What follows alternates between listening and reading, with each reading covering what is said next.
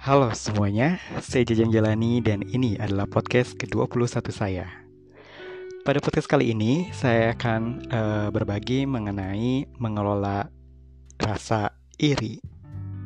Katanya Harold Coffin nih, envy is the art of counting the other fellow's blessing instead of your own. Artinya adalah rasa iri itu adalah seni di mana kita ini lebih uh, apa ya seni menghitung uh, blessing kayak berkah orang lain dibandingkan apa yang kita punyai gitu loh.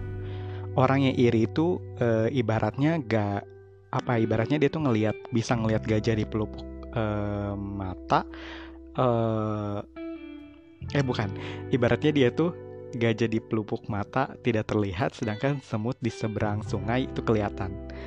Uh, hidup kita kayak terlalu fokus atas apa yang orang lain punya, sampai kita juga tak sadar tentang apa saja yang udah kita miliki saat ini.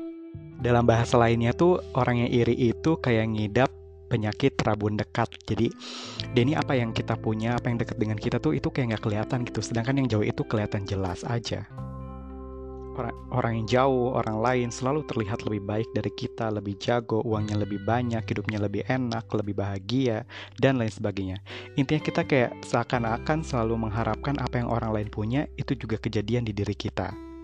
Nah dari sini kelihatan ya kalau orang iri itu dia tidak percaya diri terhadap dirinya sendiri maupun terhadap hidupnya.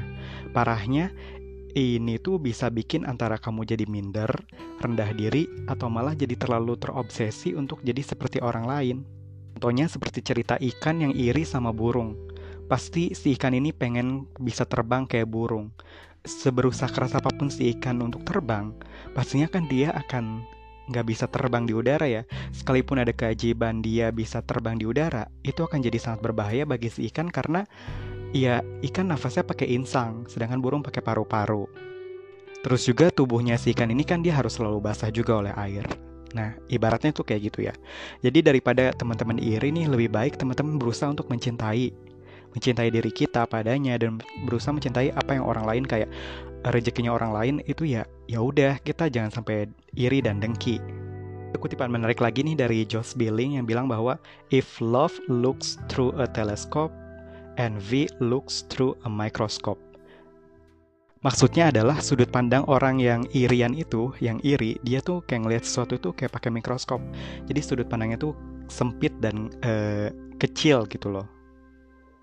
Nah terus gimana kalau kita udah terlanjur punya sifat iri, uh, terus gimana cara mengelolanya? Tips yang pertama, stop untuk membanding-bandingkan kehidupanmu apa yang kamu punya dengan yang apa orang lain punya. Ingat akan selalu ada sisi di mana orang lain lebih baik dari kita dan ada juga sisi di mana kita pasti lebih baik daripada orang lain. Yang kedua adalah stop stalking. Di zaman seperti sekarang ini, sebenarnya rasa iri terhadap orang lain itu rasanya akan mudah banget timbul ya. Apalagi ketika kita aktif di media sosial. Oleh karena itu, atur pola penggunaan sosmed teman-teman nih. Jangan kebanyakan stalking apa yang orang lain posting, karena bisa jadi orang lain posting itu hanyalah yang baik-baiknya saja. Bahkan bisa jadi yang diposting orang lain adalah sesuatu hal yang palsu gitu loh. Kemudian tips yang ketiga, terima dirimu apa adanya. Jika setiap orang punya kekurangan, pasti dia juga punya kelebihan yang nggak boleh kita iri satu sama lain. Tips yang keempat, pandanglah sesuatu dari banyak sudut pandang, biar kamu gak gampang iri apalagi sampai dengki. Bisa jadi orang lain sampai level itu punya ini dan itu setelah melewati proses yang panjang dan sulit. Jadi daripada kamu iri, kamu justru jadi termotiv, harusnya jadi lebih termotivasi nih dan bahkan bisa mencintai apa yang kejadian baik atau sesuatu yang baik yang orang lain punya. Oke, tips yang kelima yang terakhir, jadikan rasa iri yang timbul agar teman-teman bisa termotivasi lebih baik lagi. Ingat, you are what you think, jadi pikirannya harus positif. Demikian dulu podcast saya di podcast kali ini. Terima kasih banyak yang telah mendengarkan. Saya Jajang Jalani pamit, sampai ketemu di podcast selanjutnya.